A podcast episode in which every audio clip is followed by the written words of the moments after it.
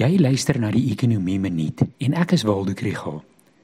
Die landbousektor was die toppresteerder van gister se ekonomiese groei syfers.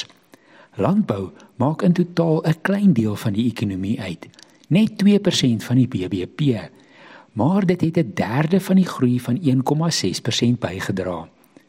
Die waarde van produksie het met 19% gegroei in die derde kwartaal.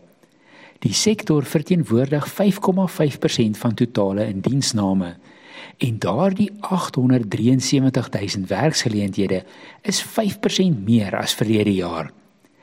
Dit is veral gesaaides, groente en vrugte wat bygedra het tot die sektor se veerkragtigheid in die derde kwartaal. Die waarde van uitvoer het in die eerste 8 maande van die jaar 8,9 miljard dollar beloop. Suid-Afrika se plek in 'n wêreldwye voedselsekuriteitsindeks het ook hierdie jaar verbeter, vanaf 70ste na 59ste plek uit 113 lande. Ons het die beste voedselsekuriteit in Afrika. Die indeks het 4 aanwysers, naamlik beskikbaarheid, bekostigbaarheid, kwaliteit en volhoubaarheid. En Suid-Afrika het net effens teruggesak op die bekostigbaarheidsmaatstaf. Wandile Silobu verduidelik dat die sektor staar uiteenlopende uitdagings in die gesig.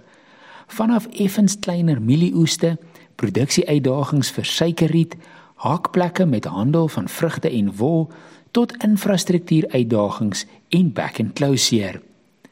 Die vooruitsigte vir 2023 het positiewe elemente en uitdagings. Aan die een kant is daar die voorspelling vir 'n goeie somerreenseisoen maar aan die ander kant is daar stygende insetkoste. Aan die beleidskant is daar groot hoop vir die landbou en agroprosesering meesterplan en hervorming by die landbank.